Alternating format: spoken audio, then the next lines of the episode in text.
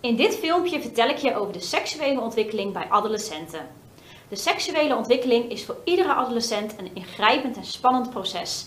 Het lichaam verandert, gevoelens voor anderen veranderen en de adolescent heeft veel vragen over wie ben ik, wat ben ik en hoe ben ik dat. De seksuele ontwikkeling heeft ook weer te maken met de identiteitsontwikkeling. Door een verandering van het lichaam en veranderende gevoelens is de adolescent erg zoekende naar wie ben ik. Dit heeft gevolgen voor alle vier de aspecten van het identiteitsbesef, namelijk continuïteit, herkenning en erkenning, vrijheid in afhankelijkheid en toekomstperspectief, zoals in de kennisclip over de identiteitsontwikkeling besproken. De opvattingen over seksualiteit zijn in de loop van de eeuw behoorlijk veranderd. Naaktheid was eerder totaal geen taboe, maar in de 16e eeuw kwam daar verandering in. In de 18e en 19e eeuw werd naaktheid en seksualiteit met een sfeer van taboe omgeven. Voorlichting over seksualiteit bestond eerder uit het duidelijk maken dat zelfbevrediging verboden, onzedelijk en schadelijk was. Vanaf de 20e eeuw vond een geleidelijke afbraak plaats van het taboe op seksualiteit.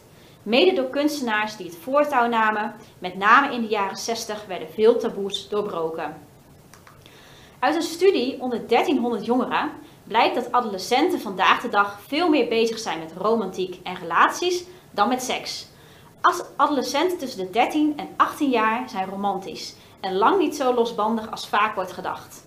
Voor de meeste jongeren vindt seks plaats binnen een relatie. Op de website van de Rutgers Stichting kan je elk jaar de meest recente cijfers opvragen rondom de seksuele ontwikkeling van adolescenten. De seksuele ontwikkeling kan je onderscheiden in twee variabelen, namelijk de biologische variabele genaamd seksen en de culturele variabele genaamd gender. Eerst de biologische variabelen. Wanneer het lichaam begint te veranderen bij kinderen, start de puberteit. De puberteit is één van de onderdelen van de adolescentiefase. Gemiddeld begint een meisje met puberen als ze 10,7 jaar is en bij jongens is de gemiddelde leeftijd 11,15 jaar. De biologische veranderingen en de verschillen tussen adolescenten en vooral de verschillen tussen jongens en meisjes worden veroorzaakt door de hypofyse. Tot aan de adolescentie worden door dit hersengebied bij jongens en meisjes nagenoeg gelijke hoeveelheden van hetzelfde geslachtshormoon geproduceerd onder meer testosteron en oestrogeen.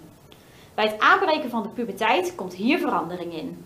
Bij jongens wordt er dan meer testosteron geproduceerd en bij meisjes meer oestrogeen. Bij jongens is de biologische variabele zichtbaar in acne, gezichtshaar, een diepere stem, spierweefsel, okselharen, schaamharen en dat de penis, de prostaat en de zaadblaasjes groter worden.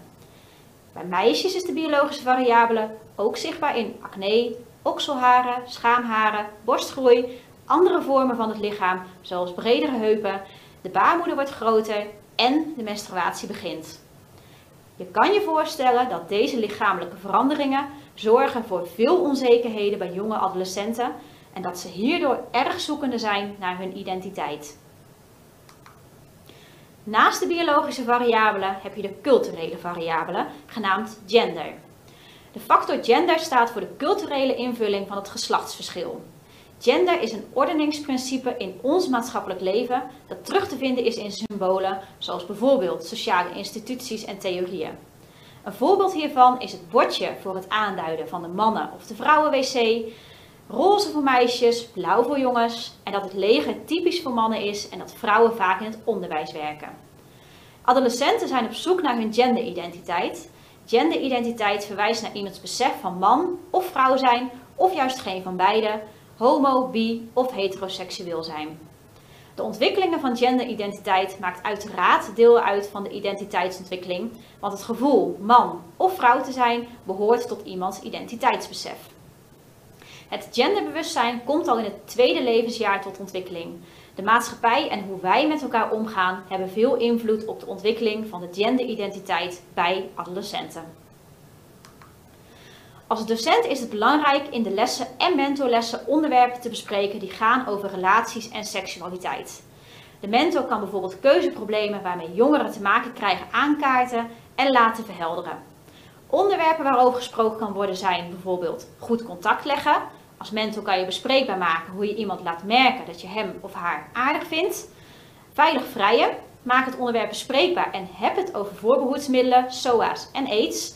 en heb het over seksueel grensoverschrijdend gedrag. Voor jou als docent moet duidelijk zijn wat grensoverschrijdend gedrag is en maak het bespreekbaar in je groep. Wat kan wel en wat kan niet. En hierbij is het ook belangrijk dat je wel bespreekbaar maakt wat gewenste vormen van seksueel contact zijn. En dat je je hierbij als docent bewust bent van e- etnische verschillen die in de klas aanwezig kunnen zijn. In dit filmpje is gesproken over de seksuele ontwikkeling bij jongeren. Deze ontwikkeling bestaat uit een biologische variabele en een culturele variabele. De biologische variabele is sekse en de culturele variabele gender. De seksuele ontwikkeling heeft een grote invloed op de identiteit van een adolescent.